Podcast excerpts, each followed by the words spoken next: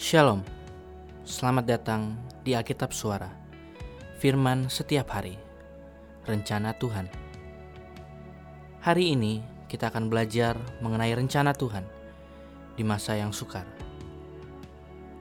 Saya mengajak kita untuk mempersiapkan hati dan memfokuskan diri kepada Kristus serta kasihnya.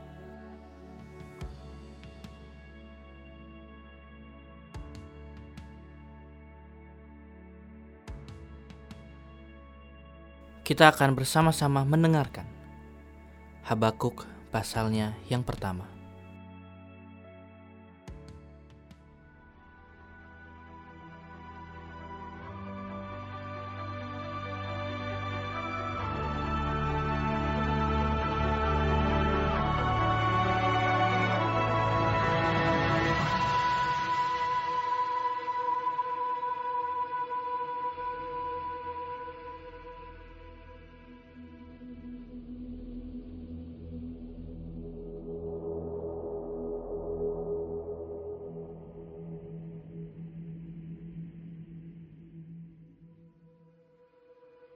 Kitab Habakuk.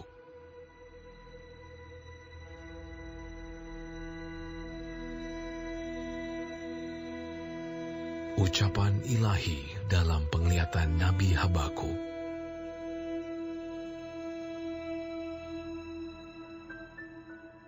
Berapa lama lagi Tuhan? Aku berteriak, tetapi tidak kau dengar. Aku berseru kepadamu, penindasan, tetapi tidak kau tolong.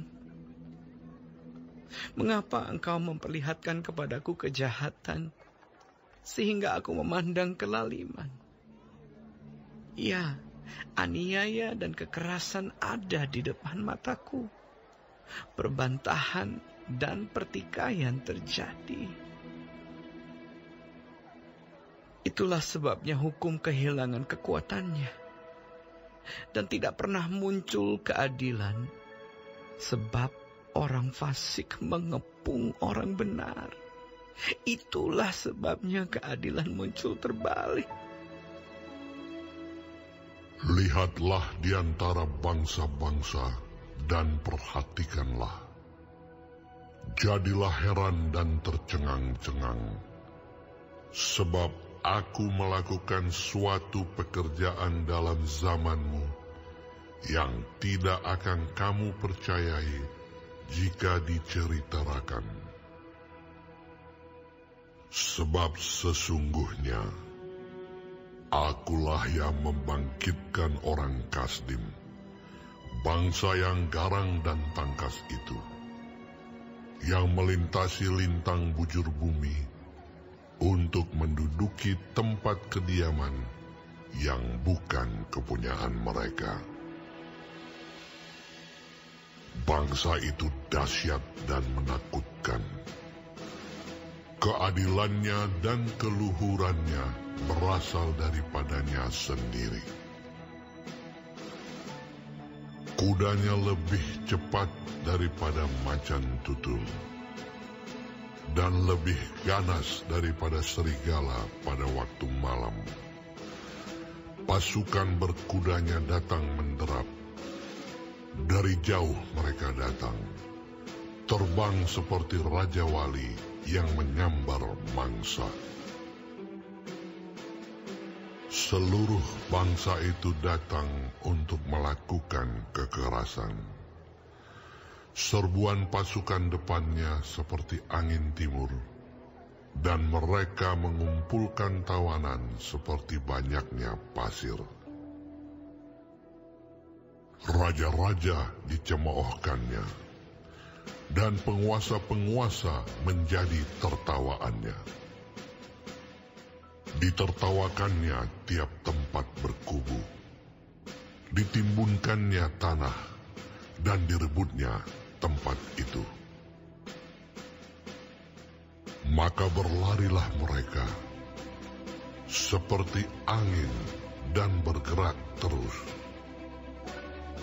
Demikianlah mereka bersalah dengan mendewakan kekuatannya.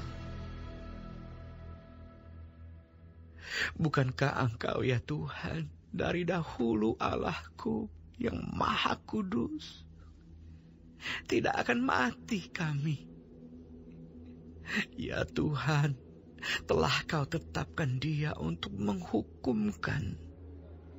Ya gunung batu, telah kau tentukan dia untuk menyiksa.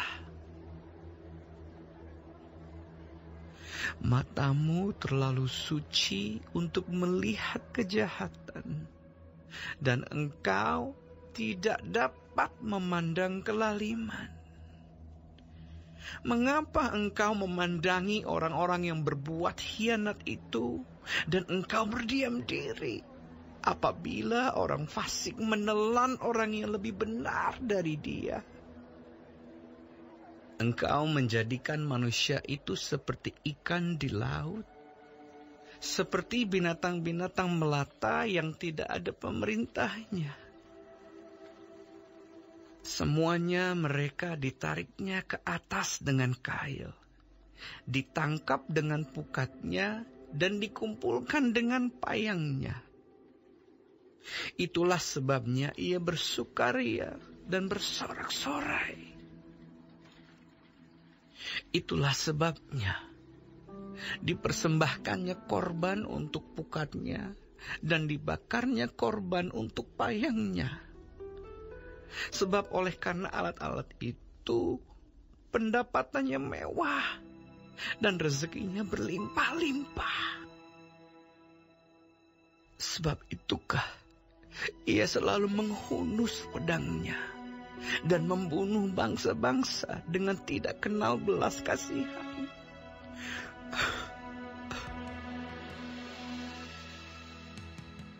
Sungguh merupakan suatu ucapan ilahi yang dalam dan jujur dari seorang Habakuk. Ia melihat kejahatan yang terjadi di sekitarnya, ketidakadilan serta penyembahan berhala, kemudian menyampaikan keluhan hatinya kepada Tuhan menuntut penjelasan. Habakuk berada dalam kesulitan untuk mempercayai apakah Allah benar-benar baik di saat begitu banyak hal buruk yang terjadi di dunia. Ia mendapati dirinya sangat kesulitan untuk memahami rencana Allah ketika Allah hendak membangkitkan bangsa Kasdim untuk menghukum Israel karena kejahatan mereka. Habakuk menganggap bahwa bangsa Kasdim jauh lebih buruk dibanding bangsa Israel. Tetapi seperti yang telah kita dengar sendiri, Allah hendak melakukan suatu pekerjaan yang jika ia ceritakan tidak akan dipercayai. Allah bekerja dengan caranya sendiri. Ia dapat memakai hal-hal yang mungkin menurut kita tidak pantas untuk mendatangkan kebaikan dalam hidup kita. Allah tahu bahwa rencananya tidak mungkin dapat dimengerti oleh akal manusia yang terbatas. Namun di saat seperti inilah Allah menghendaki Habakuk untuk percaya. Ada banyak hal yang terjadi yang tentu saja kita tidak mengerti. Termasuk pandemi yang kita alami ini. Jelas sekali membuat kita bertanya, jika engkau Allah yang baik dan berkuasa, mengapa engkau membiarkan ini terjadi? Saudara, di saat seperti inilah kita memakai iman kita. Di saat kita tidak mengerti atas rencana Tuhan, atau bahkan di saat kita kesulitan untuk mempercayai rencana Tuhan dalam hidup kita. Di situlah kita semakin memerlukan iman untuk terus percaya kepada Dia. Allah tidak mungkin membiarkan, Ia tidak mungkin meninggalkan hidup kita. Keadaan bisa saja menjadi buruk, tetapi percayalah, saudara, bahwa Tuhan sedang bekerja. Ia punya rencana yang dahsyat dan ajaib bagi hidup kita, yang kalau diceritakan tidak akan kita percayai. Mari percaya kepada Allah walau itu sulit dan berat. Mari memandang kepada kesetiaannya, kepada kuasanya, dan kepada pengharapan yang tidak akan mengecewakan. Tuhan Yesus memberkati kita semua.